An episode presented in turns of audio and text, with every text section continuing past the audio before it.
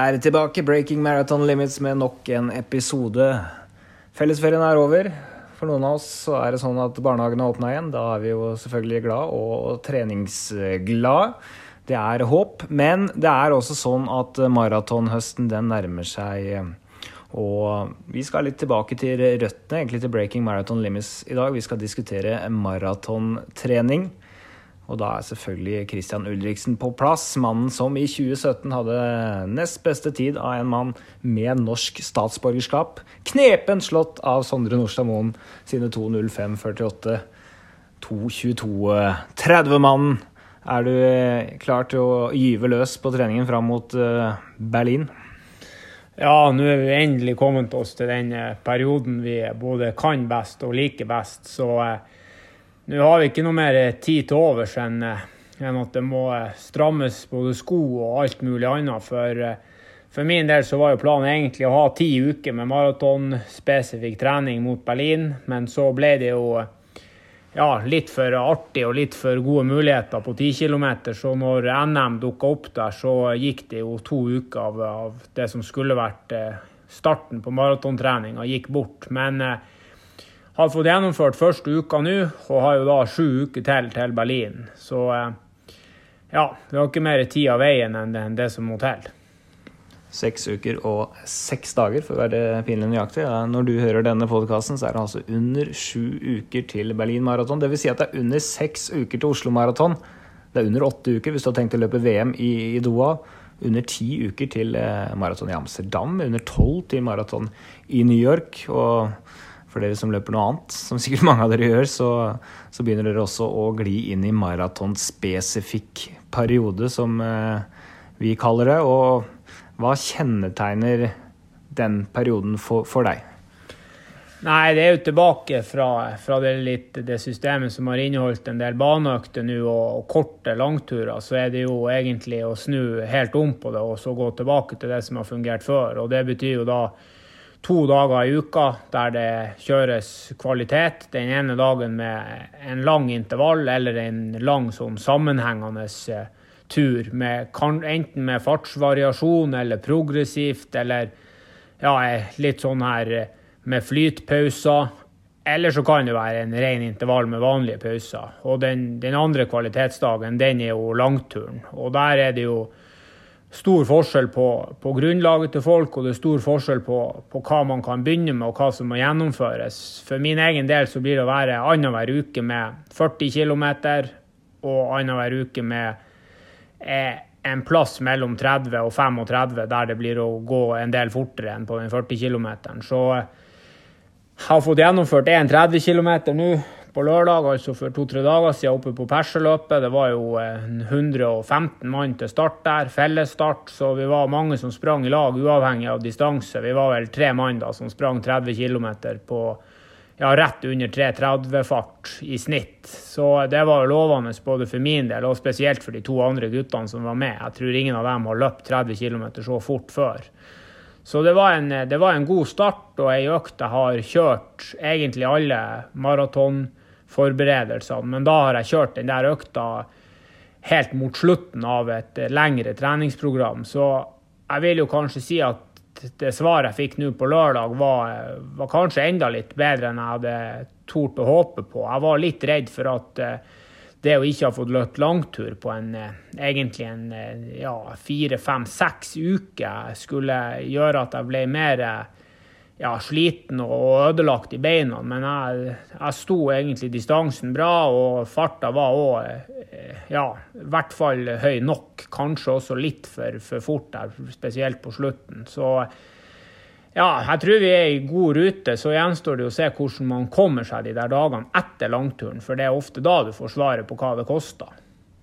Ja, Nå har du ligget på ørlite mindre mengde da, pga. alle disse 10 km og, og baneløpene du har gjort en, en periode. Og så har du skrudd opp mengden igjen og gått fra to til tre hardøkter i uka og ned til uh, to. Og en av dem er en, en langtur som uh, Du legger jo da hardøkta inn i langturen fordi at langturen går fort.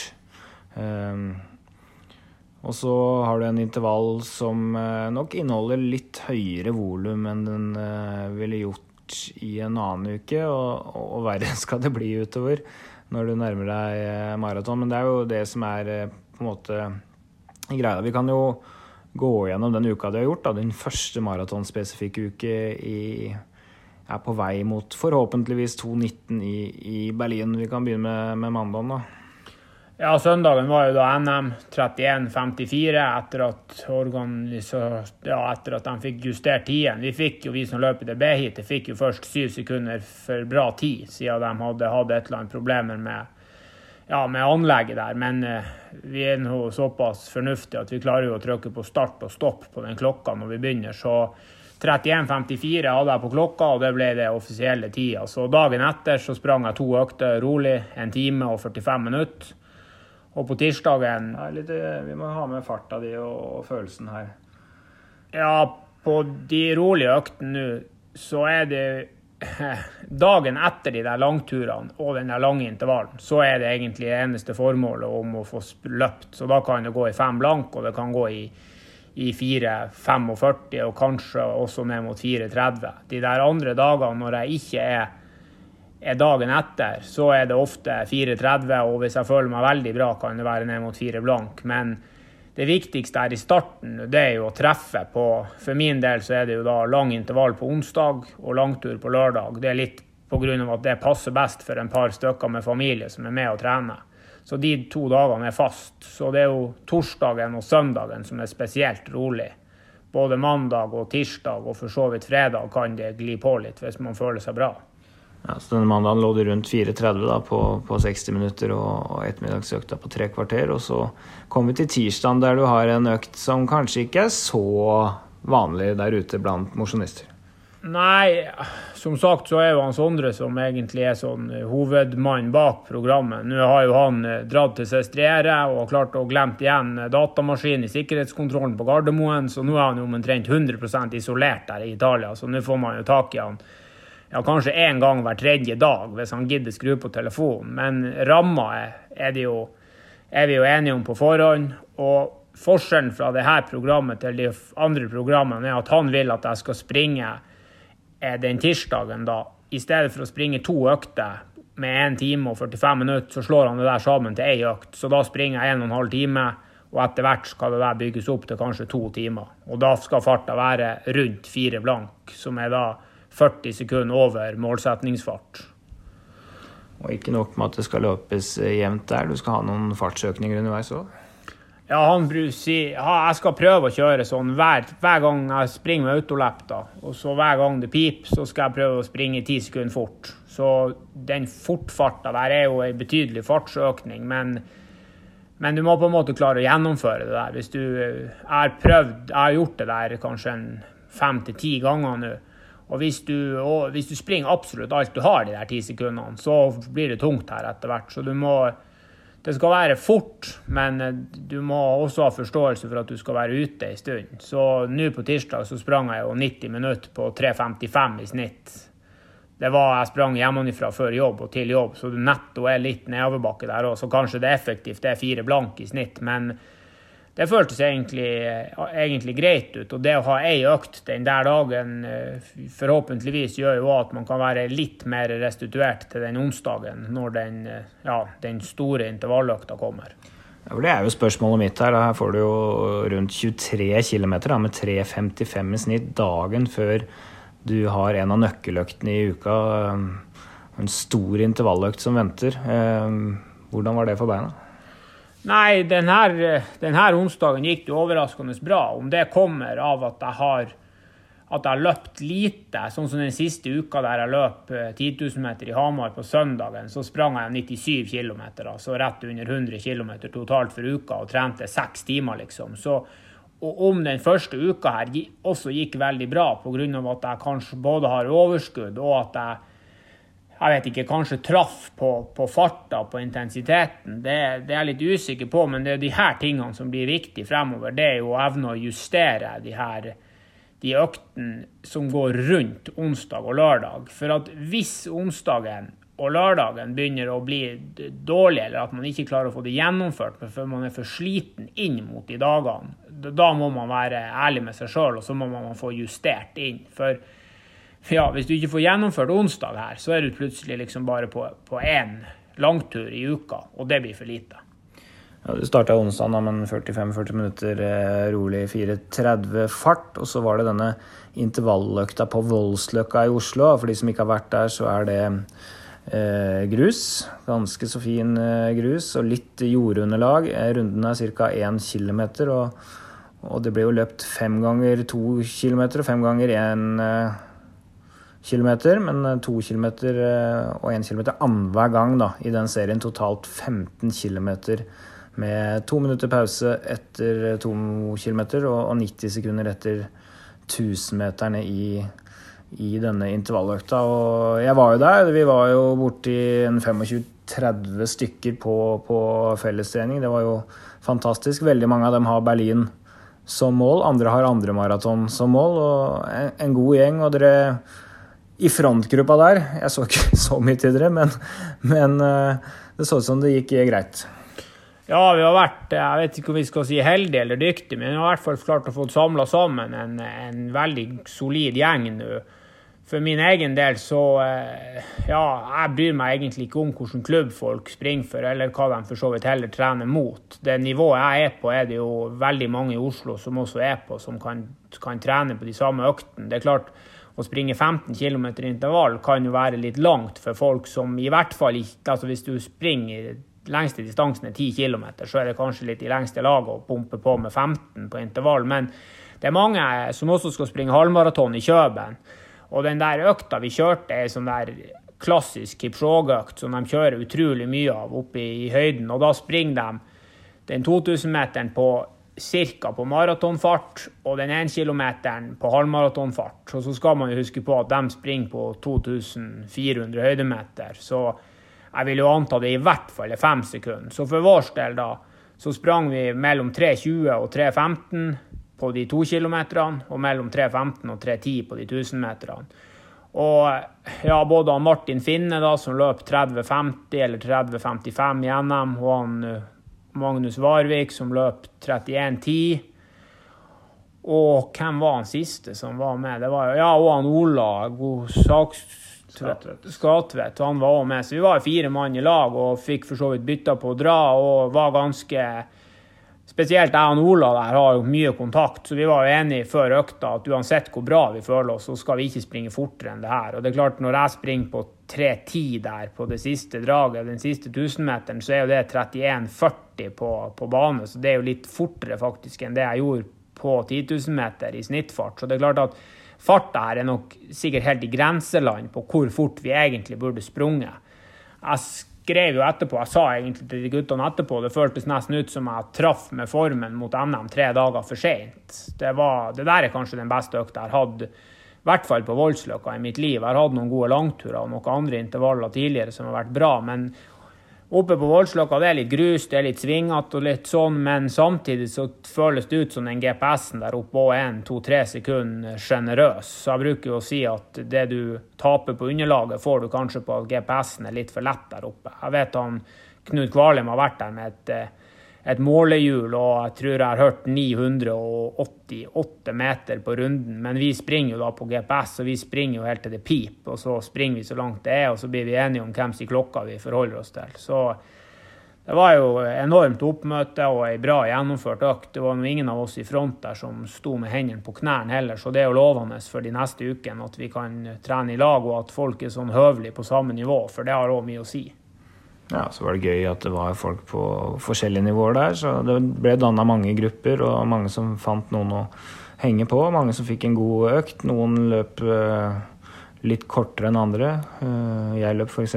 fire ganger uh, to og fire ganger én, altså tolv kilometer totalt. Ikke lå så langt framme i treningen som, som deg, så det er jo flere måter å å gjøre det der på, men det er gøy at det er så mange på trening. Iallfall syns jeg det, da, som ikke har sett folk på trening på en måneds tid. Holder på med å få meg sjæl opp på Eidsvollkanten. Så det var eh, bra. Men da, da er vi over på torsdag. Et meget god intervall.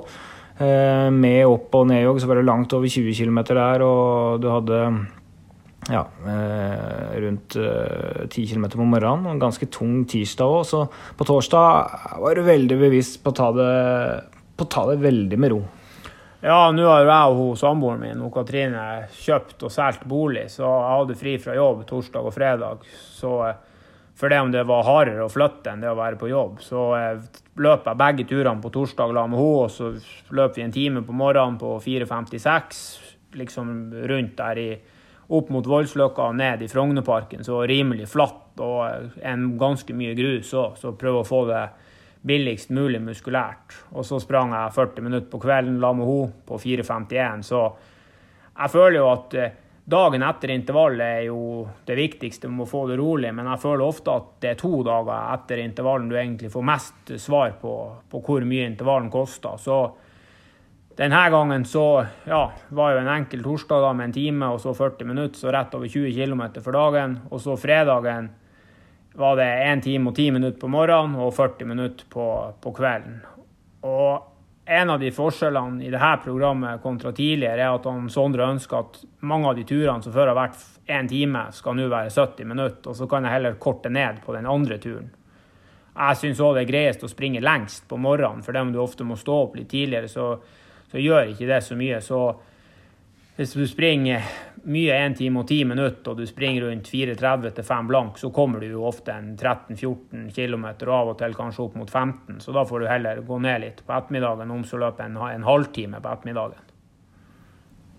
Uh, fredagen da, uh, med 1 time og 10 og, og, og 40 minutter. Og så var det denne lørdagen hvor du utnytter et lokalt lavterskelløp til å løpe en, en, langtur. Og da hadde du på forhånd gått ut på, ja, via løpet og deres sosiale kanaler og lovt 3.30-fart per km i tre mil. Og der er det jo fellesstart. Noen løper fem km, noen løper ti, noen løper halvmaraton. Og noen løp den nye uortodokse distansen 29,2, eller hva det var da dere løp forbi mål der og, og, og 30 km. Du hadde litt press på deg. Eh, du løper jo ikke 30 km på, på 3.30 hver dag. Og du hadde ikke kjøpt langturer på, på noen uker. Var du litt, litt, spent på om du kunne holde det du hadde lovet? Ja, altså det første som skjedde, var jo at jeg våkna og at det ikke var sol. Det var 15 grader og lett regnvær, så allerede da skjønte jeg jo at her er, her er forutsetningen for å gjøre en bra, en god økt så godt som optimal. For min del så er det enorm forskjell på om det er 25 grader og sol eller 15 grader og overskya og litt regn. Når du kommer fra Nordpolen omtrent er vant til å springe med 7-8 grader hele året, og helst ja, sne og annen møkk på vinteren, så det er klart at når det begynner å bli ordentlig varmt, så sliter jeg for at ja, både pulsen og, og det meste blir dratt av gårde. Så og vi fikk eh, bra vær for vår del, og, eh, og, i tillegg den der fellesstarten var jo fantastisk. Han arrangøren der oppe han er jo en, en ordentlig ekte ildsjel. Liksom. Her er det en sekskilometersrunde som ligger rett i nærheten av Gardermoen, der liksom, du betaler 100 kroner for å være med. Det, han setter ut et svært sånn campingbord. En par av de andre guttene hadde faktisk med seg eh, bord òg, så vi fikk jo satt ut drikke, og vi var fellesstart. Så det var jo en tolvåring her også som var med på fem kilometer, som lå i ryggen på, på, meg og en par av de andre guttene i starten i fire kilometer, og så stakk han liksom siste kilometeren. Jeg så han hadde løpt fem kilometer på 17-19. Håvard Jørgensen, tror jeg, eller Halvard Jørgensen eller noe sånt, en unggutt. Så det var jo eh, var faktisk skikkelig motiverende å springe. Det var mange som løp 10 km, som hadde mål på 35 blank. Og så var det jo en del gutter som hadde mål på halvmaraton på ja, 3,30 i snitt, eller rett der i hugget. Han eh, Einar Melsom var faktisk òg med, og han er jo i hvert fall god for 66 på halvmaraton. I hvert fall, om ikke, om ikke enda bedre. Så når sånne folk i tillegg òg stiller opp, så det, ble det ganske ganske mye enklere mentalt enn å ta det her helt alene. Så eh, jeg vet ikke, jeg syns kanskje at forutsetningen for å gjøre ei god økt der var òg 100% Altså Vi fikk øvd på absolutt alt vi skulle. Og jeg valgte å springe i de der nye Nike-skoene òg, egentlig eh, mest for å få den økta likens mulig de øktene jeg tidligere har kjørt, for å få et ærlig svar på hvor jeg står her åtte uker før Berlin, eller syv uker da. Og det andre var jo været og drikka. Så fikk jo i meg fire ganger to desiliter med Morten, som er det jeg bruker å ha når jeg springer maraton òg. Så fikk på en måte trent på alle momentene. Og ja, vi løp jevnt. Jeg hadde 3.28 på, på GPS-en, og GPS-en er jo ofte ja, personlig erfaring på en maraton, sånn som i Berlin og i London, så er GPS-en 1-2 sekunder for, for, snill. Så hvis du har 3.20 på klokka, så har du ofte 3.22 på offisiell tid. Så eh, jeg tror 3.28 i snitt kanskje tilsvarer ganske nøyaktig 3.30, og vi fikk gjort det vi skulle. Og vi var tre mann som løp alle 30 km en som heter Kristoffer Lamøy, som òg var med, som han Olger tidligere her i podkasten har prata om. Han var med også med der i Edinburgh. og hans mål i Berlin er jo å springe på under 2,30. og det er klart at Når du gjør 30 km på, på 3.30-fart, som tilsvarer 2,27, så er du jo i hvert fall i ekstremt god rute. Jeg jeg personlig, når jeg har gjort den økta her på mitt dårligste, så gjorde jeg 2,25 i 2016. Da gjorde jeg 30 km på 3.30-fart. Året før så gjorde jeg 5 ganger 5 km på 3.30-fart, og da løp jeg på 2,27. Så han, han la meg der som er skiløper, og som åpenbart har bra både utholdenhetstalent og, og bra potensial på maraton. Han, han har gode muligheter for å minst springe på, på 2,27. Og, og, jeg vil jo nesten si at han burde prøve å springe på 2,25 også. Så får vi, får vi, se. Han siste som var med inn, var jo han Magnus Varvik, som skal springe den 50 km i VM sammen med Simen Berge. og han løp jo 31,10 i Hamar på 10 000, var med på intervallen med oss på onsdag. og han er, jeg vil si jeg og han er utrolig close på nivå på egentlig på alt. På maraton har jeg løpt fortere enn han, men det er bare for at jeg har trent eh, litt bedre enn han inn mot de maratonløpene. Hvis han får gjort det i god trening her nå, så tror jeg bare det er snakk om ganske kort tid for han også kan springe under 2,20. Vi må trekke ut litt læring her for vanlige folk, for alle driver jo ikke løper 3,30 på langtur. Men det du altså gjør, er eh, å, løpe en, en, langtur på 8-10 sekunder saktere per kilometer enn eh, målfart om sju uker, og du løper det i tre mil. Du løper jevn fart for å finne ut hvor, eh, litt hvor du ligger an. Du bruker samme drikke som du forhåpentligvis skal drikke i Berlin. Du får drikke hver sjette kilometer. Lignende på lignende drikkeopplegg du kommer til å ha i maraton. Du løper i konkurransesko, eh, og du løper i en flat trasé. Dette er rett og slett meget spesifikk trening. Ja, definitivt. Altså, det er jo så nært en, nu, i hvert fall nå siden vi var såpass mange i lag. La oss nå si at vi var 20 stykker i starten, og så går fem mann av på fem kilometer og fem til av, eller ti til av på ti, og så er vi syv-åtte mann til 21 og tre mann til 30. Så er det jo, det er jo nesten som å springe en maraton. Hvis du hadde putta på en en tre-fire kenyanske jenter og en par fartsholdere foran oss der igjen, så hadde det vært akkurat det samme som å vært og løpt i Berlin. Så det er jo for å simulere både følelsen av å holde jevn fart for muskulaturen, og så er det jo å få trent på å få drukket. Og så er det jo også et, et, stort moment her i å trene på å være tålmodig.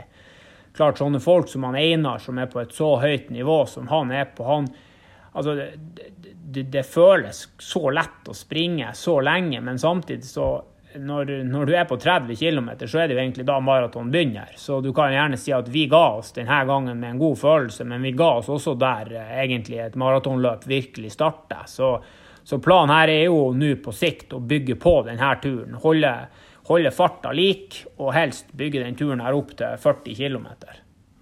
Ja, men Et tips er jo å utnytte lokale løp. Om du har en lokal halvmaraton, om du har en lokal maraton. Du kan varme opp litt på forhånd, du kan eh, løpe med folk. Jeg har gjort det flere ganger på, på halvmaraton og varmet opp en 10-15 km i, i ønsket fart, og så løpe løpet. Glemme litt konkurranseelementet, men, men, trene på det et maraton innebærer eh, med drikke og løpe med folk osv. Det er lettere å motivere seg. Du får de øktene en god del lettere enn eh, om du driver helt aleine på kveldstid eller tidlig i morgenen eller når du ellers skulle ha tid. så jeg syns det er en veldig fin måte å gjøre det på, men det er viktig at man holder litt igjen. altså Man skal ha kontroll, skal ikke løpe seg selv i grøfta fordi man tilfeldigvis har et startnummer eh, på. Man må vite hva man, hva man driver med. og du har tenkt å gjøre det her igjen, for uh, perseløpet det arrangerer jo neste løp i samme trasé. Er det 31. august. Dette her er jo på Sand ved Jessheim. Fire-fem ja, km fra, fra Gardermoen. Ti minutter med, med, buss fra Gardermoen. Så det er jo mulig å nå fra store deler av, av landet. Og hvis du bor i østlandsområdet eller Oslo eller hvor det er, så, så, er, så er, det jo ikke så langt langt å kjøre. Og da lover du 3.30 fart igjen, eller hva, hva, planlegger du da? Ja, ja. Altså farta den 31. august, det blir det samme som nå. Så får vi se om vi springer 42, eller om vi springer 40, eller om vi springer 35. Men hvis ting går på skinner, så er planen å springe minimum 40, da. Og så er det samme, samme farta. Og da får jo Da er det jo egentlig bare å, å Det blir å komme mange. Det er klart det arrangementet vi fikk nå, var jo sinnssykt bra for veldig mange. og noen bedre treningsarena på, på ei fast fart enn det der, det har jeg veldig tungt for å, for å, finne tak i. Så jeg vil jo anbefale de aller fleste å stille opp der. Det går klokka tolv på lørdag, og ja, det koster 100 kroner. Og det er egentlig kun fordi at han som arrangerer det der, må ha litt utstyr for å ta tida og sånn. Det er ingen som tjener penger her, og det, det er så low-key som det kan bli. Men det er ja, du får gjort det du skal. Traseen er som sagt en, en runde der på seks kilometer, der du har egentlig kun én bakke, og den kan kanskje være ti høydemeter over eh, jeg vet ikke, kanskje en 50 meter der de ti høydemeterne er fordelt. Det går over i bru over E6 der, og utenom det så er det paddeflatt.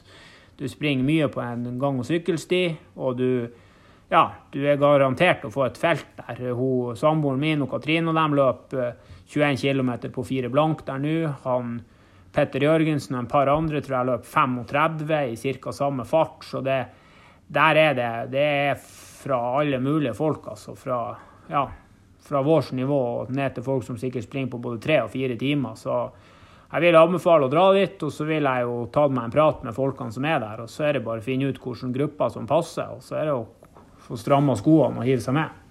Ja, jeg tror eh, flere av oss kommer til å løpe i flere ulike hastigheter der mellom 3.30 og 4 blank. så det fins garantert rygger, og det kan være en veldig bra økt uansett hvilken maraton du skal løpe i høst. Men det jeg er spent på liksom, Det er en solid økt du gjør der. Meget solid økt, og det koster. Hva gjør du da dagen etter?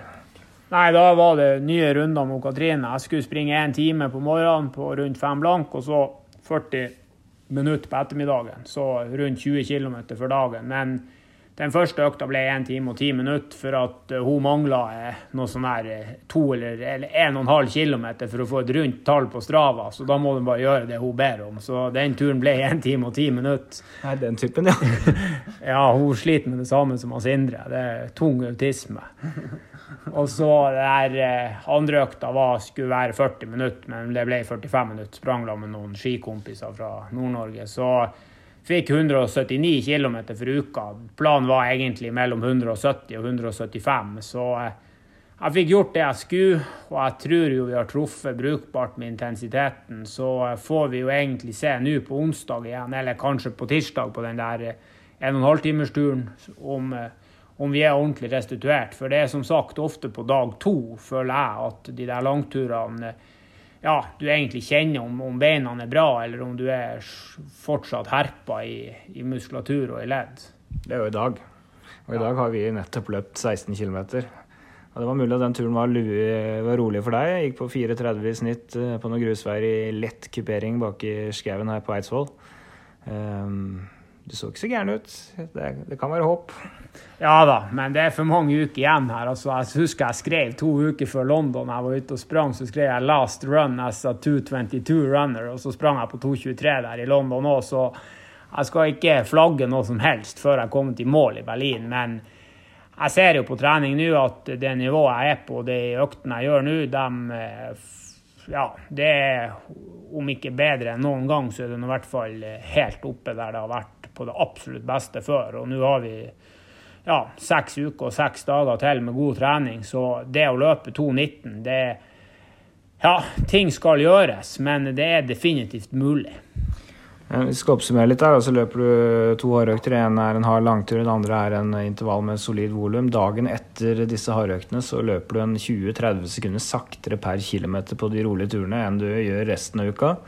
Det som er litt spesielt her, er at du løper litt sånn type I2-trening tirsdag før den intervallen med, med en rask ti sekunder per km. Det er den mest sære økta som egentlig er i dette programmet. Ellers er det ganske grei skuring.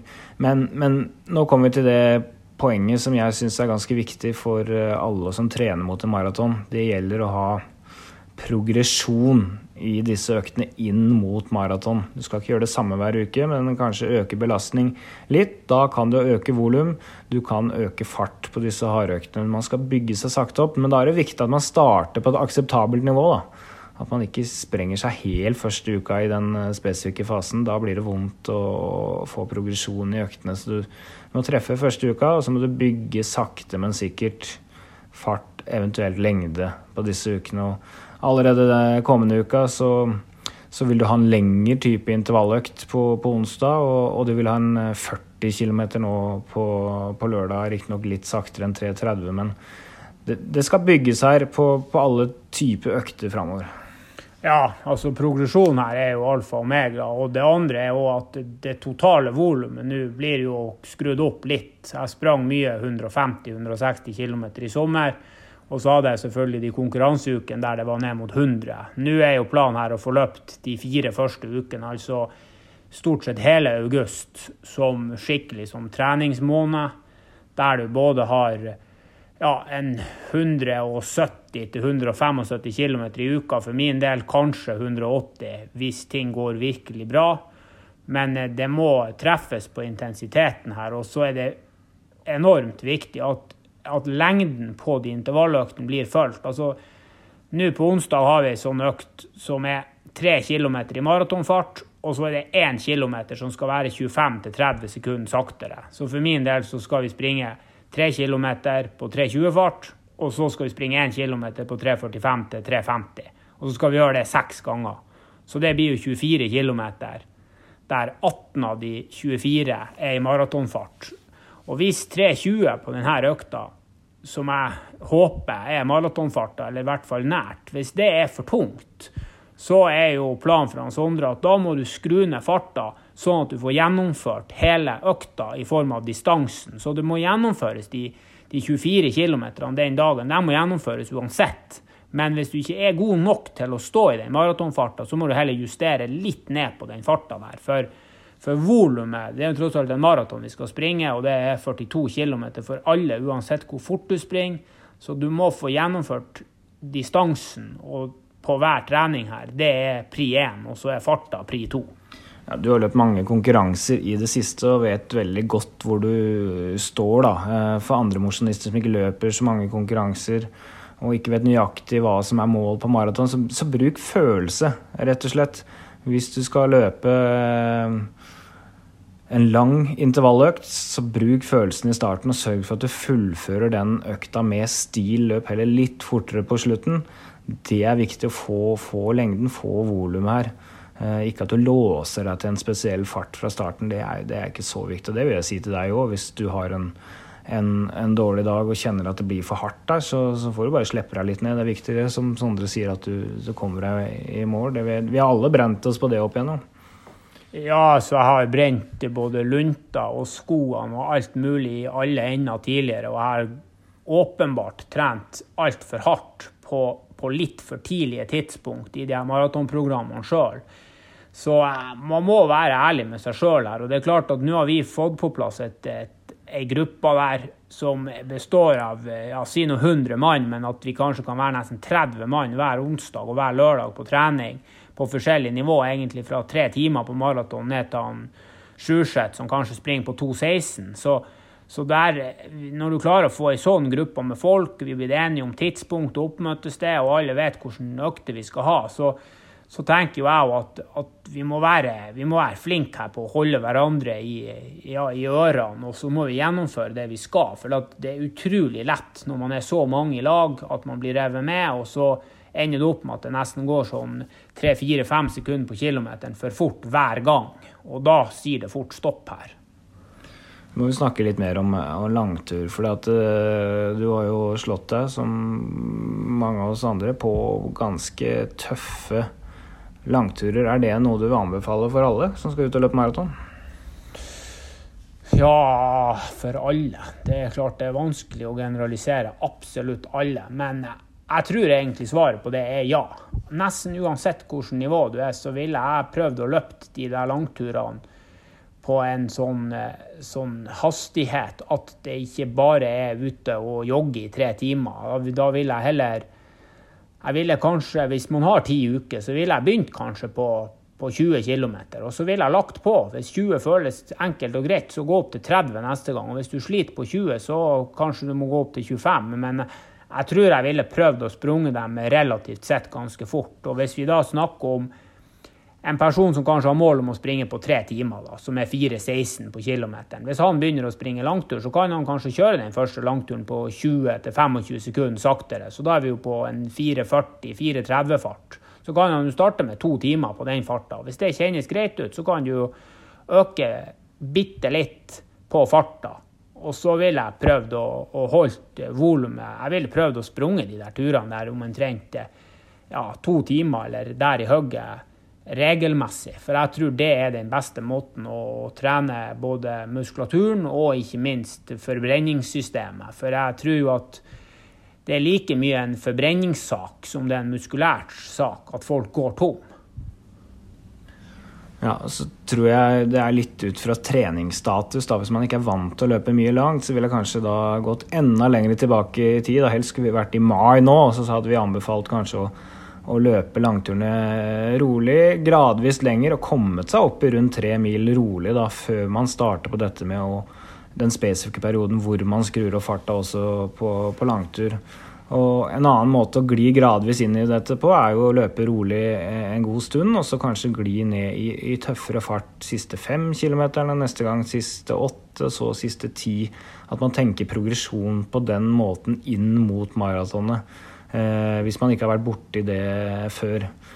Du løper jo forholdsvis tøft nå på langtur hver eneste uke. Eh, det kan jo også være et tips for de som ikke er vant til dette her. Eh, noe jeg selv gjort med skal ikke si med suksess før, men jeg løper iallfall 2.33 i Berlin et år med å, med å kjøre annenhver uke rolig og tøff. Kjøre 35 km med en god del tøffe kilometer innlagt annenhver uke. Og så løper jeg en, en ja, to og en halv til tre timer i type 430-440 fart, som var forholdsvis rolig for meg da, på grusveier annenhver uke. Og fikk totalt en 12-13-14 turer over tre mil i inngangen til maraton. Det, det fungerte. For man skal være oppmerksom, spesielt når man gjør dette for første gang, at disse turene koster, og man må være forsiktig i utgangen av det. Og da er det ikke sikkert man tåler harde langturer hver sjuende dag, sånn som du gjør, som tross alt har løpt nærmere 5000 km i år til nå. Altså,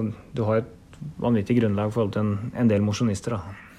Ja, og uansett hvordan du snur og vender på denne idretten vi holder på med, så er den eneste måten å bli bedre på, det å holde deg skadefri. Og det er klart at å banke beina på to timer hver bidige lørdag eller hver bidige søndag, det vil jo være, vil være hardt for mange. Så det kan godt hende den der annenhver ukers med hardt rolig funker òg bra, men det, der tror jeg folk må, må prøve seg litt frem òg. Og så ville jeg jo Jeg ville vært veldig forsiktig dagen etter, for jeg tror det er ofte er der mye av skaden nå skjer. Altså En ting er å få løpt dagen etter og få trent, det tror jeg vi alle må, men farta der må, altså formålet dagen etter de der lange, harde dagene, det er restitusjon. Så om det går på på 5.30 eller om det går på 6.30, det får bare være så. Hvis du får løpt 45 minutter eller en time, og så får tøyd litt ut og får en dusj og får spist, så er det egentlig det som skal til dagen etter. Så, så får man ta det litt derifra. Men man må holde seg skadefri. Det har alt å si. Jeg vil også si at tidlig i min uh, mosjonistkarriere som maratonløper, når jeg begynte med disse harde langturene, så kunne jeg til og med bli litt sånn støl uh, muskulært dagen etter. Var ikke som å løpe maraton, men litt støl. Og hvis man da løper hard langtur annenhver uke, så tror jeg ikke det skader å ta den rolige treningen på sykkel eller ellipse eller til og med fri. Altså, det kommer litt an på nivået, men man kan være så forsiktig, iallfall de første gangene man gjør det, til man blir mindre støl og den, den typen der. Altså, ta dette progressivt og ikke stress. Det er ikke dagen etter de langturene her man, eh, man gjør maratontida si, men man kan ødelegge litt for den, faktisk. Tenker jeg, da. Ja, og det er jeg helt enig med deg i. Det blir litt som Karoline og Sindre de har prata tidligere. De driver og kjører dobbel terskel på tirsdag og på torsdag og på lørdag. Sant? Og så er det onsdag og fredag imellom der. Det her er litt det samme for vår del. Altså, du, det eneste formålet med dagen er å komme deg videre til neste dag. Og når Karoline, som er tross alt blant de beste i verden, har fri hver onsdag og gjør noe annet, så sier det seg sjøl at eh, folk på, både på mitt nivå og og egentlig hele veien ned til uansett nivå kan godt ha, ha, Det kan godt funke bedre nesten å gjøre en alternativ bevegelse dagen etter. For, for den belast, jeg mener jo at den langturen der er absolutt det viktigste i uka. Og så kommer selvfølgelig den intervallen på andreplass. Men kontinuitet på den langturen uke ut og, ja, og over hele perioden mener jo jeg er det som avgjør om du om du springer fort eller om du springer halvfort. Og spesielt følelsen fra 30 km til mål i, på selve maraton føler jeg sjøl er mye, mye avhengig av treninga du har gjort i forkant, og spesielt langturene du har gjort i forkant. Ja, jeg kan nesten ikke stresse nok det at man skal ta det med ro nok etterpå. Så det er viktig å huske liksom, prinsippet med trening, at trening bryter ned. Og så må du bygge deg opp for at du skal bli bedre. Og hvis du da fortsetter å bryte ned, så kan den bølgedalen bli så dyp at du faktisk bare bryter ned og blir dårligere enn før. Så det, det må man huske på. Og en sentral ting ved det programmet du kjører nå, er at det er jo ikke en hardøkt da før på onsdag. Det er i prinsippet tre dager med roligere løping før du løper hardt igjen. Og det er ikke alle mosjonister som husker på. altså. Du tar jo hensyn sånn sett. Ja, og der prøvde å si det sjøl òg tidligere her i podkasten, men altså når han Sondre, som tross alt er på 2,05 og den ypperste verdenstoppen, når han altså ligger på to økter i uka, som han, han og Renato kaller for hardøkter, så klarer ikke jeg å finne plass til tre, tre sånne her økter i uka. Altså, det systemet til Eliud Kipchoge og dem som bor der, som ligger ute på internett, der de trener ja, en intervall på tirsdag på bane, og annenhver gang 40 km og 30 km langtur på torsdag og en fartslek på lørdag. Det der systemet, det er liksom De guttene der er de beste i verden. De gjør absolutt ingenting annet. Og der er det også ikke alle i den gruppa der som, som er på samme nivå som Kipchoge. Så det er klart at jeg, jeg, sliter veldig med å klare å anbefale noen å springe en hard langtur og to intervaller i uka. Når, når jeg vet hva andre som, som er så gode som de, de der som Hans Sondre f.eks. er, ikke gjør det, så, så, føler jeg heller at vi skal ta og sørge for at de der to dagene der blir skikkelig bra, og at vi får gjennomført det vi skal, og at vi også kan skru eh, ja, volumet på intervallen enda lenger opp. Altså, I de der drøyeste ukene til hans Sondre så har han jo sikkert kjørt 30 km intervall på onsdag, og så har han kjørt 40 eh, km langtur på lørdag. Så, så, så, du kan dra det der strikket på de der to dagene veldig langt. Men skal du begynne her med en tredje dag, så får du trøbbel en gang. For ei uke består nå tross alt bare av syv dager. Og hvis du har tre hardøkter her, så er det nå en av de der øktene. Da får du bare én dag imellom. Så da begynner det å bli enda vanskeligere og enda viktigere med, med intensitetsstyring. Mens når du da er på det systemet som vi er på, da, med onsdag, lørdag, eventuelt torsdag, søndag, så har du tross alt tre dager etter langturen og to dager etter intervallen. Så da har du litt mer slingringsmonn på å få både på å få kontroll på eventuelle skader, og ikke minst å få, få kroppen på, ja, tilbake i vater før du skal på en ny økt. For jeg er ganske sikker på at hvis du går inn i de programmene her med litt trøbbel, en litt dårlig hamstring eller en litt dårlig akilles osv., og, så og så begynner du å pumpe på her med ganske bra fart, og så er du på uke tre med, med enda en runde med 30-40 km, så tror jeg du er ganske fort at du blir skada her. Ja, det er viktig å, å være i, i, vater. Men uh, man kan ikke gå gjennom det systemet her uten å få en kjenning i, i ny og ne. Du, du er ikke katt pottemyk hver gang du går ned trappa om morgenen, du heller? Nei, nei. Og så har jeg jo sett både han Henrik og han Sondre. Han Henrik hadde jo med seg en hel bag med sånne forskjellige strikk og baller og tøyevarianter til hoisten der. Så Altså, det, det, det, vi får se når vi ser dem på startstreken på TV i toppform, det er jo liksom eh, det er den ene dagen der alt eh, forhåpentligvis funker, men eh, det er jevnt over mye trøbbel i, i den løpeverdenen. Og det er klart at det å holde seg skadefri og få gjort de der riktige tingene inn og ut av trening som gjør at du overlever de små vondtene, det er alfa og omega. Men jeg tror òg det, det, det, handler om å være ærlig med seg sjøl, og så handler det om å være lur her òg. Så hvis du vet at du sliter med en hamstring, så bruk nå fem minutter før du går ut og springer, på å tøye litt og på å gjøre litt aktivering av muskulaturen og på å gjøre et eller annet. Og hvis du sliter med noe stive akilleser og sånn, så du må nesten få gjort noe tiltak. Få kjørt noe ettbeins tåhev, eller få gjort noe tøying, eller få gjort et eller annet som gjør at du får, får på en måte holdt det her i sjakk. For jeg tror at hvis du er en person som bare kan trene og trene, og du aldri har vondt, så er du liksom, da er du 1% For de 99% av oss andre så er det å ha litt vondt og litt trøbbel underveis, det er en del av gamet. Og så gjelder det å holde ting i sjakk. Vi kan se litt mer på, på intervallsystemet ditt her, og annenhver uke da med såkalt vanlig intervall med stå, gå og rolig jogg-pause. Eh, og så er det annenhver uke da hvor du har såkalt flytpause du var inne på det, at du løper ja, kanskje ca. maratonfart på, på, dragene, og så har du en kilometer pause da hvor det går en 20-30, eller 25-30, kanskje også 35 sekunder saktere per, per kilometer. Da får jo trent på kontinuerlig løping. Det er jo det maraton egentlig dreier seg om. Det er å løpe halvfort ganske lenge. Uh, og Du står aldri ro, og da blir det jo ekstra volum på, på, de eh, øktene. Hvordan, hvordan syns du de øktene er kontra de mer tradisjonelle intervallene, der hvor du står stille i pausen? Nei, når du har de der flytøktene som, eh, som ofte er lang òg, seks ganger 3-1 blir jo da 24 km.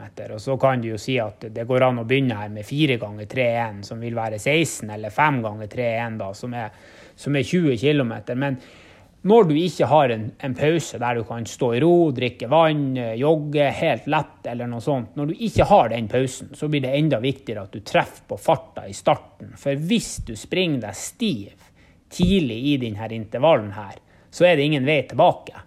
For altså den pausekilometeren når du er stiv, den, den hjelper deg bitte litt, men du klarer ikke å få vaska vekk laktaten. Altså har du, har du løpt deg stiv, så er du på en måte da er det bare snakk om litt tid før du er ferdig. Hvis du springer deg stiv på en 1000-meter og du har ett minutt pause, så klarer du, med mindre du er veldig stiv, så klarer du ofte å hente deg brukbart inn, som gjør at du kan klare å holde farta. Mens på denne flyt, flyttreninga så blir det enda viktigere at du treffer på farta. Så da må du jo være ærlig med deg sjøl før du setter opp økta, med, med, med distansen på økta, at du ikke begynner for langt oppe. Og så må du være ærlig med deg sjøl på farta. Så for min del, som håper å løpe maraton på 3,19 i snitt, så kanskje det jeg burde gjøre her den første gangen, er å sørge for at den første trekilometeren, at i stedet for at den går på 3,19, eller i verste fall på 3,17, så at den heller går på 3,22-3,23 i starten. Sånn at du vet at du i hvert fall de, de aller første repetisjonene får du, får du gjort, og du får stor sjanse for at du klarer å fullføre hele økta. Og du vil ganske tidlig i den økta her også få svar på om du treffer på farta. For at eh, maratonfart skal egentlig være såpass nær terskelfart, altså nært halvmaratonfart, men fortsatt litt saktere. Så du, du, skal kunne springe de øktene her uten at du føler at du må holde hendene på knærne. For da har du bomma. Da er maratonfarta di for ambisiøst. For det er ingen som klarer å springe det er ingen som klarer å springe maraton på ei fart de sliter med å springe 10 ganger 1000 meter på. Så enkelt er det bare. Så du må, du må begynne i riktig ende av skalaen her, og så er du avhengig av å treffe i starten. Hvis ikke så får du et problem utover økta, og da ender du som regel ofte opp med at du bryter av økta, og så får du mindre volum enn planlagt, og så får du færre kilometer på den intensiteten du burde hatt. Og så sliter du kanskje med å få henta deg ordentlig inn til den langturen som kommer to dager etterpå, og så begynner trøbbelet å balle på seg. Det, skal, det, er ganske lange økter, så det skal være slitsomt, men du skal ikke ende i, fullstendig i grøfta. Du skal ikke føle at du har løpt et halvmaraton all out, for da trener du rett og slett litt litt fart, det er det du sier? Ja, definitivt. Og så burde du få prøvd å få i deg drikke. For det er klart at på, på vår økta, som skal være seks ganger tre-én, så er du jo du er ute der i, i godt over en time òg. Så en del av treninga er jo å klare å ta til seg drikke underveis her. Og forhåpentligvis så skal man jo helst drikke da i de der litt sakte kilometerne. Men det må man jo bare se hvordan, hvordan plasser man har å springe på, og hva som rett og slett passer med logistikken. Men Men det å, å drikke på maratonfart, det er òg en treningssak. For det å drikke når du springer rolig, eller når du springer moderat, det går ofte veldig fint. Det å drikke når du begynner å bli sliten, det er noe helt annet. Og så må man være tålmodig.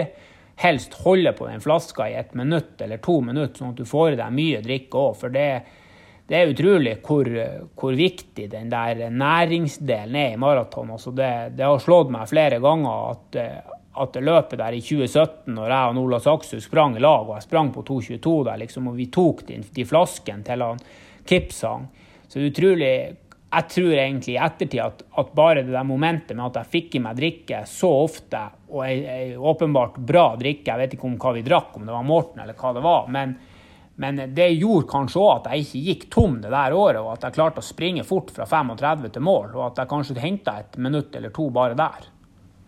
Det å drikke på disse øktene, det er jo flere funksjoner med det. ene ting er at du kan få bedre økt der og da. Det andre er jo at uh, en restitusjonsting. Hvis du klarer deg uten drikke, ja, det kan du kanskje gjøre. Uh, men da løper du deg på grensa til dehydrert, kanskje, når øktene begynner å bli opp mot 25 km. Og så får du lengre restitusjonstid, og da kommer det jo harde økter om tre dager igjen. Så, så, det er litt av greia her, å, å, sørge for at restitusjonen går så lett som mulig. Så det er også en viktig funksjon ved å, å, å legge det. Selv om mye går uten å innta underveis, så, så, kan man lette trening som kommer. For her gjelder det å holde hjulet i gang i, i flere uker, ikke bare to-tre. Så det er en viktig, viktig del av det. Ja, og nå er vi jo også i den perioden der vi er såpass langt unna maraton at jeg mener jo egentlig at det er nå jobben rett og slett må gjøres. Altså fra uke åtte, uke sju, uke seks, uke fem og uke fire. Det er liksom de, de der ukene du er lengst unna maraton. Det er da du burde kanskje trene aller mest, om ikke nødvendigvis hardest, så i hvert fall mest. For det er da grunnlaget legges. De siste, spesielt to ukene, handler jo mye om, om nedtrapping. og jeg vet heller ikke om man blir så mye bedre de der siste 14 dagene heller. Ofte er det jo like mye mentalt. Så det er nå jobben må gjøres, og det er nå man må, må, være motivert og ikke minst smart, som gjør at man får gjennomført alle ukene uten trøbbel. Det er spørsmål om du sier at det er såkalt taper eller nedtrapping de siste to ukene mot maraton. Noen kanskje også bruker tre, andre ti dager osv. Men men hvor lang skal denne spesifikke perioden være, da? Eh, du er jo tydeligvis eh, begynt på den nå åtte uker før, så du får egentlig en seks uker spesifikk periode. Eh, litt kortere enn før. Hvor lang mener du den bør være? det er jo veldig opp til Eller det er jo veldig avhengig av utgangspunktet. Jeg har jo kommer jo da fra en vinter der jeg kjørte ja, nesten ja, siden Hvor mange uker tror jeg vi hadde? Vi løp en halvmaraton i Barcelona i februar. Hadde jeg elleve uker fra Barcelona til London, og så de to siste. Så da hadde jeg jo ni uker. Og så har jo jeg trent mot maraton flere ganger før. Så jeg vil jo kanskje si at eh, en person som han Sondre, kanskje han trenger fire-fem uker. Altså fra Ja, og så kanskje jeg trenger ja, seks, sju, åtte uker. Og Andreas Sjurseth kanskje det samme. Kanskje du, Jan, hvis du skulle hatt mål om å løpe på ja, si 2,27, som jeg mener helt klart at du, du fint kan gjøre, så, så, kanskje du måtte hatt ti. Men eh, det, det, kommer litt an på hva man kommer fra. Hvis du kommer fra 10 km-trening, så er jo egentlig fokus å få gjennomført langturene. Hvis du kommer fra halvmaratontrening, så er det jo mye av det samme, kanskje bare bitte litt lengre langturer. Hvis det er første gangen du skal springe maraton, så er det jo også eh, litt sånn uklart med, med hva er det slags egenskaper du har her. Altså, en person som skal springe maraton for første gangen, og som har løpt, eh, bare løpt 10 km, han kan godt hende han trenger 15 uker, men det, det er vanskelig å si. For maraton er også en sånn distanse der det er andre ting enn bare det der treningsmessige som avgjør. Altså, det å ha talent for å springe litt lengre, det å ha bra fettforbrenning som gjør at du ikke går tom, det at du tåler slamringa mot asfalten. Altså det, det, er andre moment der enn bare ja, spesifikk terskelfart og, og O2-opptak. Det handler jo litt om å bli kjent med seg sjæl òg. Hvis man har eh, gjort dette noen ganger, så vil man jo kjenne om man kanskje ender i toppform litt for tidlig. Hvis man er en av de som, som piker tidlig på denne type trening og kanskje gjennomfører langturene og, og ting for tøft der, så kan man rett og slett havne i form fire-fem uker for, for tidlig òg. Eh, tradisjonelt sånn Hvis du ser litt sånn på internasjonal treningslitteratur og osv. er vel å starte den spesifikke perioden da mellom 10 og 14 uker før selve maratonet. Det er ganske sånn tradisjonelt. da, Så har du alltid folk som har gjort mindre, og folk som har gjort uh, mer. Men det er vel på en måte kjernen ofte av det, det, som blir gjort rundt omkring i verden. Et annet stort spørsmål her. Nå har du vært inne på at du kjører 30 og 40 km annenhver uke her. Hvor, langt, hvor lang bør egentlig den lengste langturen være? For det er jo i denne spesifikke perioden. Ja, det er jo et, et, godt spørsmål. Jeg hadde en tur på tre timer før London. Da løp jeg husker jeg det var et ufattelig dårlig vær òg, men vi var en ganske god gjeng lenge. Da løp jeg tre timer, ja. Hvor langt kom vi på den turen der? 46, var det ikke? Ja. Vi kom jo 46 km. Vi hadde 17 km på 4.05 og 29 km på 3,45, da. Så 3,53 i snitt der i Oslo i, i, midten av mars. Jeg vet ikke om jeg blir å springe en så lang tur igjen, eh, men at du må opp på 40 km, og at du helst for min del burde ha kanskje nå burde ha i hvert fall to, kanskje tre 40 km-turer. Kanskje to 40 km-turer og en 42 km-tur. Men da Jeg tror ikke at noen trenger å springe lenger enn tre timer. Og jeg tror kanskje heller ikke Jeg tror egentlig det går an å si rundt to timer, 45 minutter, tre timer. Da begynner du å komme på en, på en såpass lang, lang, distanse, uansett hva målet ditt er på maraton, at da mener jeg det begynner å holde. For da begynner det også å bli litt sånn at eh, nedsida med å springe så mye lenger begynner å bli stor. Altså, du, du, du, skal tross alt kunne trene igjen dagen etter. Og, eh, og er du ute og springer på asfalt i, i mer enn tre timer, så tror jeg òg at risikoen for å bli skada begynner nesten å bli for høy. altså.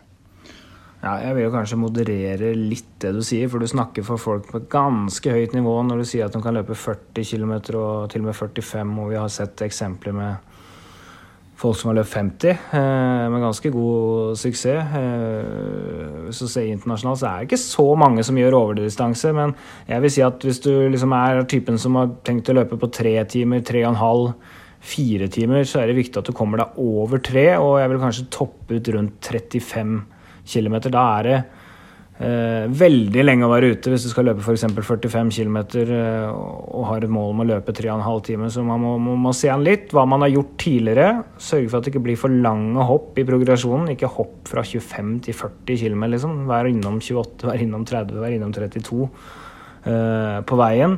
Men hvis du liksom er skal løpe 2,30 eller 2,19 som deg, så, så, er det kanskje greit å lukte på 40. Eh, Kipchoge, som har verdensrekorden, topper ut på rundt 40. Eh, og noen som, som, har god erfaring med det, vil kanskje prøve overdistanse.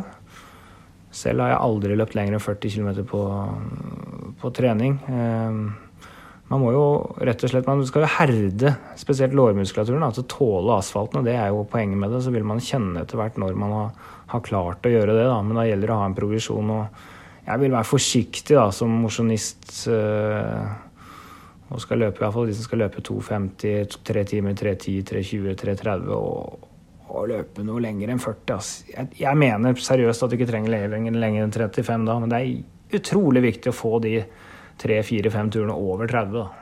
Ja, det er i hvert fall bedre å springe tre turer på 30 enn å springe én på 45 og bli skada. Så det er noe med det òg. Så tror jeg jo at det absolutt viktigste her er å komme seg ut, rett og slett. Man må få gjort treninga, så kan man heller etterpå si at man sprang bitte litt for sakte, men det er fortsatt 99 eh, bedre enn å ikke ha løpt i det hele tatt. Så eh, en langtur regelmessig. Det må gjennomføres, og det må være progresjon i den langturen. Og for det mentale, så prøv å finne noen som eh, det går an å trene lam med òg. Og ikke, ikke, gå i den der fella at du skal begynne å springe kun i kupert terreng med, med på en måte mykt underlag. For det, mye av den langturen handler òg om å få muskulaturen til å tåle distansen. Og en maraton i Berlin eller en annen stor by den går på asfalt, noen plasser litt på brostein, og da må du være trent på asfalt. Hvis ikke så blir det tungt, uansett om du kan springe fem timer i skogen hver søndag.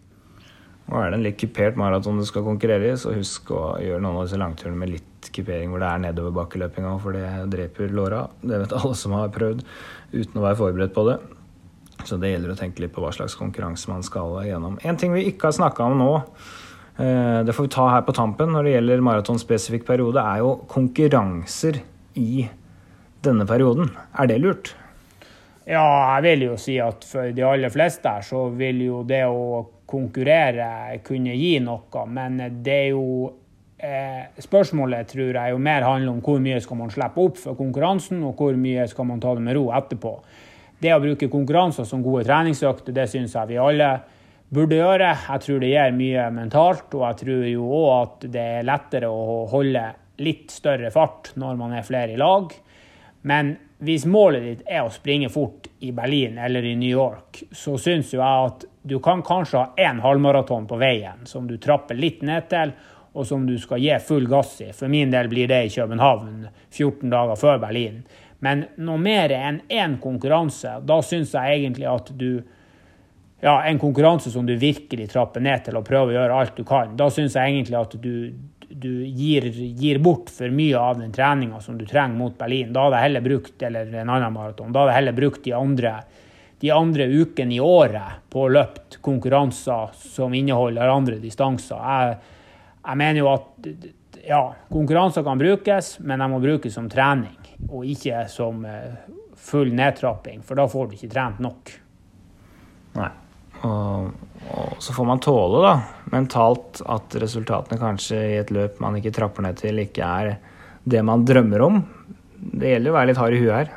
Ja ja, skal du konkurrere ofte og du stiller på start med, med litt dårlige bein og kanskje mot noen kompiser som også har lada litt opp, så må du òg tåle å få deg en på ja, på kjeften og, og bli slått litt i ny og ne. Men jeg syns jo at når man bestemmer seg for å springe en maraton, og man faktisk skal legge så mye i det som mange gjør, at man liksom skal trene en, ja, en 10-15 uker, så syns jeg jo at også man skal klare å, å bite i seg de fristelsene på veien som gjør at det er tross alt det er maratonet som er målet her. Det er ikke den 10 kilometeren eh, midt inni her, eller en halvmaraton midt inni her som er målet jeg, jeg, jeg, mener jo personlig òg at den følelsen når du kommer i mål på en maraton og du har lyktes, den er verdt så utrolig mye mer enn, en alle de andre små målene. At, eh, at, jeg ville rett og slett prioritert såpass hardt og sagt at det, ja, det går som det går på veien, og det eneste jeg bryr meg om, er resultatet i Berlin. Ja, De fleste som har fullført en maraton på eller on a high uh, og kommet inn på en bedre tid enn man kunne drømme om, de, de skjønner hva du snakker om. Det er, det er verdt den innsatsen som er lagt ned.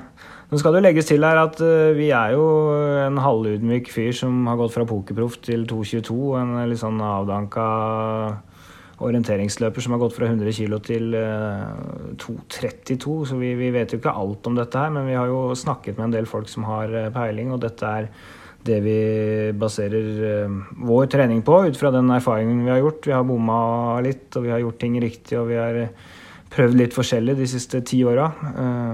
Så det er, det er ikke vitenskap alt vi snakker om her, men det er, det er vår erfaring pluss en del vi har snakket med som ligger bak de rådene her. Og hvis vi skal oppsummere denne maratonspesifikke perioden, så, så er det kutt ned antall hardøkter. Gjør hardøktene litt lenger. Eh, prøv deg på litt hardere langturer med innslag av maratonfart, eller nært opp til maratonfart.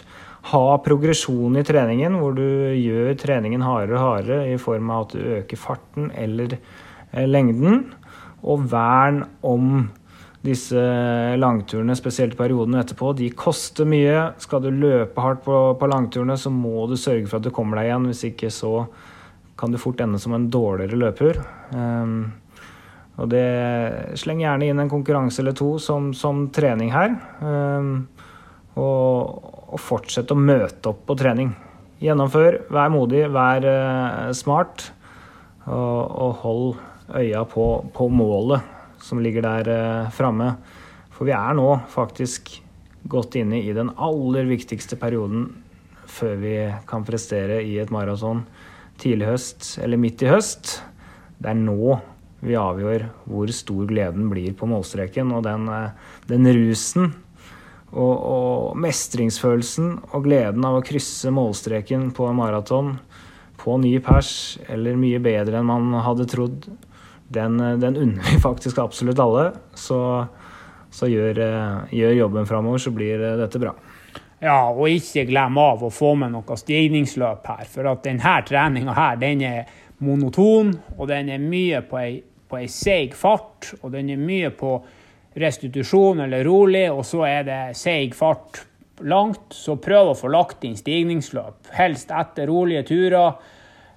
Av og til inne i økten, men eh, vær litt kreativ. En, eh, finn deg noen lyktestolper som du kanskje av og til kommer til, så springer du en lyktestolpe litt fortere. altså Prøv å skape litt variasjon i muskulaturen her òg. For at jeg har altfor mange ganger bare blitt seigere og seigere og stivere og stivere utover de her programmene. Så prøv å, prøv å gi noen, noen, av de innspillene, spesielt han Sindre kom med. Nå har jeg jo som ivrig Strava-bruker sett at omtrent halve Norge begynte å kjøre stigningsløp, men det er også godt å se. Altså, fordi stigningsløpene, alle vet at det er viktig, og alle vet at det gir noe, men det er utrolig lett at man glemmer det av. Så hvis vi kan hjelpe folk å huske på stigningsløp her, så blir i hvert fall han Sindre glad. Det var nok eh, maratonprat for i dag. Vi kommer tilbake neste uke med en ny episode. God trening da, folkens.